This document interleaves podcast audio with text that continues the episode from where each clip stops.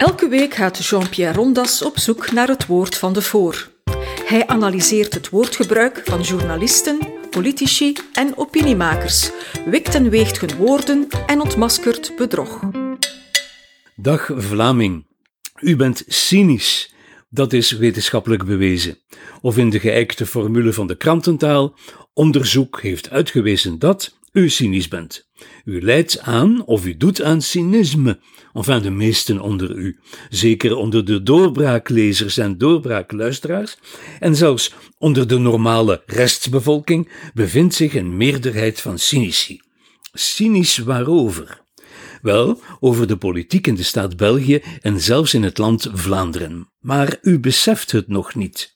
U bent nog niet op de hoogte van uw jammerlijke toestand, namelijk die van de grijnzende cynicus die zelf niets doet dan aan de zijlijn te staan en die van daaruit sardonische en sarcastische commentaar spuit op de gevleugelde doeners. Met spottende en meestal holle lach trekt u de goede bedoelingen in twijfel van politici die dag en nacht met volle goesting keihard werken. U geeft blijk van een stuitend ongeloof in wie het beste met u voor heeft. En zoals ik al zei, het is bewezen. Een gezamenlijke onderneming van de Standaard en VRT Nieuws en de Universiteit Antwerpen heeft u gepeild, gewogen en cynisch bevonden. Tenminste, dat woord cynisch was het enige dat bleef hangen, na slaapverwekkende lectuur van het banale resultaat van de statistische verwerking van de bevreemdende bevraging van duizend Vlamingen, waaraan ik zelf heb meegedaan. Moeilijk uit te leggen aan de mensen en dus moesten de kranten terugvallen op iets wat ze kennen. En dan toveren zij een woord uit hun hoed dat ze gebruiken als het nog eens Zwarte Zondag is. En zo zijn er al veel geweest of zoals nu, als het weer eens dreigt een nieuwe Zwarte Zondag te worden. Al die honderdduizenden kiezers die verkeerd kiezen, zoals extreem links, maar vooral toch extreem rechts, worden nu geen mestkevers meer genoemd, want onderzoek heeft uitgewezen dat dit toch averechts werkt. Dus noemen wetenschappers en krantenschrijvers die mensen geen mestkevers meer, maar cynici, een cyclisch opduikend woord, dat cynisme. Kortom, verslaggeving en interviewers waren het eens in hun finale analyse van de Vlaamse burger. Aan de linker en aan de rechterkant heerst cynisme en de belangrijkste onderzoeker Walgraven heeft het cynismewoord en het hele woordveld daaromheen zelf in de mond genomen. Wantrouwen, pessimisme en cynisme, zei hij. Onder de titel Doemdenken schreef de standaard over ontevredenheid, cynisme en zwartgalligheid. En een andere krant sprak over boosheid, cynisme en afkeer. Alles wijst erop dat het onderzoek uitwijst dat cynische kiezers die aan de linker of de rechterkant staan, geen rationele opvattingen meer hebben, maar slechts in de greep zijn van hun donkerste emoties. Emoties zijn de motieven van wie het waagt verkeerd te stemmen. En dan weet ik zeker dat die wetenschapper, socioloog, vragensteller geen benul heeft van de achtergrond van dat woord cynisme. Waarom acht hij het zomaar van toepassing op de Vlaamse kiezer? Hij mag dat natuurlijk doen, maar wetenschap is dat niet. Dat hij dan toegeeft dat het om een essayistische gedachte gaat, of om een gewoonte die hij ergens in Amerikaanse tijdschriften heeft opgepikt. Maar dat cynisme wordt wel door de kranten als wetenschap voorgesteld, en geen enkele journalist in velden of wegen te bekennen die dat nu eens doorprikt, terwijl zij o zo graag doorprikken. Maar u weet nog dat cynisch Grieks is voor hond. Iemand die zich als een onbeschaamde hond gedraagt, is kunikos. En de associatie met een illusieloze levensopvatting werd gemaakt doordat de Griekse wijsgeer Diogenes als een onbeschaamde hond leefde. Hij was kunikos.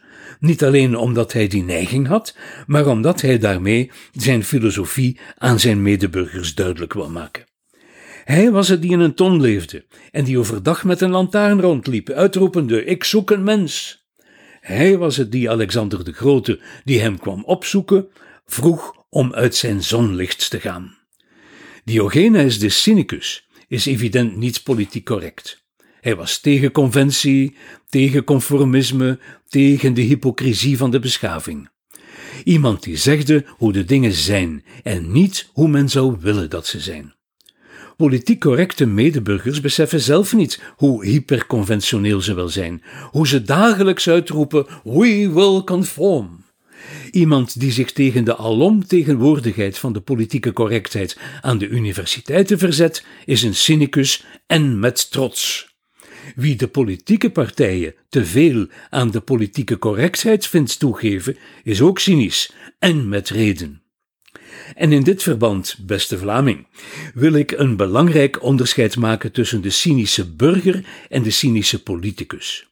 Mijn burger is inderdaad cynisch, zoals ik het begrip zojuist omschreef.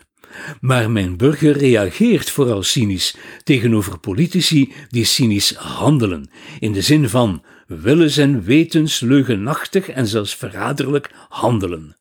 De burger reageert wantrouwig cynisch tegenover de handelende, cynische trouweloosheid van de politicus. Wantrouwig tegenover ontrouw. Dat is mijn formule.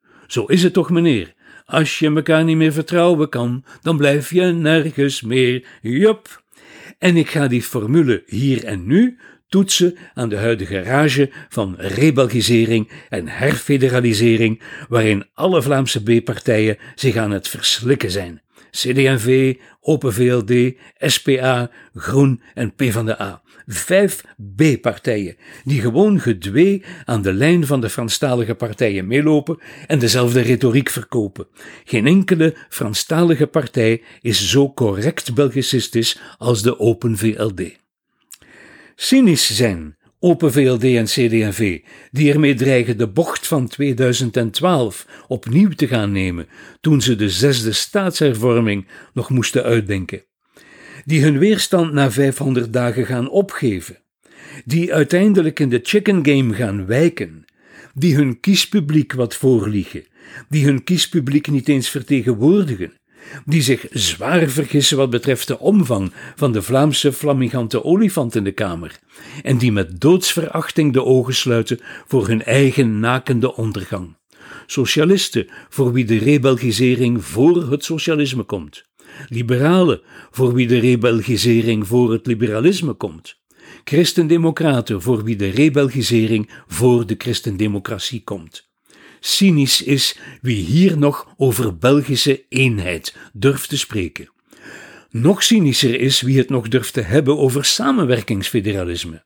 Cynisch zijn de hulpelozen van de macht, altijd ook de nuttelozen van de nacht. Cynisch zijn die Vlaamse B-partijen en B-politici die iets willen herfederaliseren om het even wat, omdat ze daar geen benul van hebben, puur om te laten zien dat het, ik citeer, in beide richtingen kan. Gewoon om van La Belgique weer een présence te maken in het leven van de Vlamingen. Cynisch zijn die partijen die aandringen op het herfederaliseren van gezondheidszorg, terwijl ze nog niet eens hun eigen partijen willen herfederaliseren, SPA Open VLD en CD&V. Er lopen in de Belgische staat negen ministers, onderministers, staatssecretarissen en andere onderdeuren rond die bevoegd zijn voor volksgezondheid, waarvan één Vlaamse en één federale en al de rest Franstalige regionale en gemeenschapssinecures.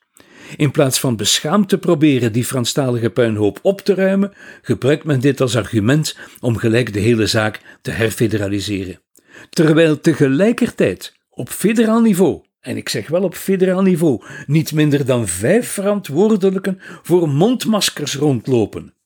Maar cynici van de B-partijen blijven hardnekkig wijzen op de efficiëntie van het federale niveau.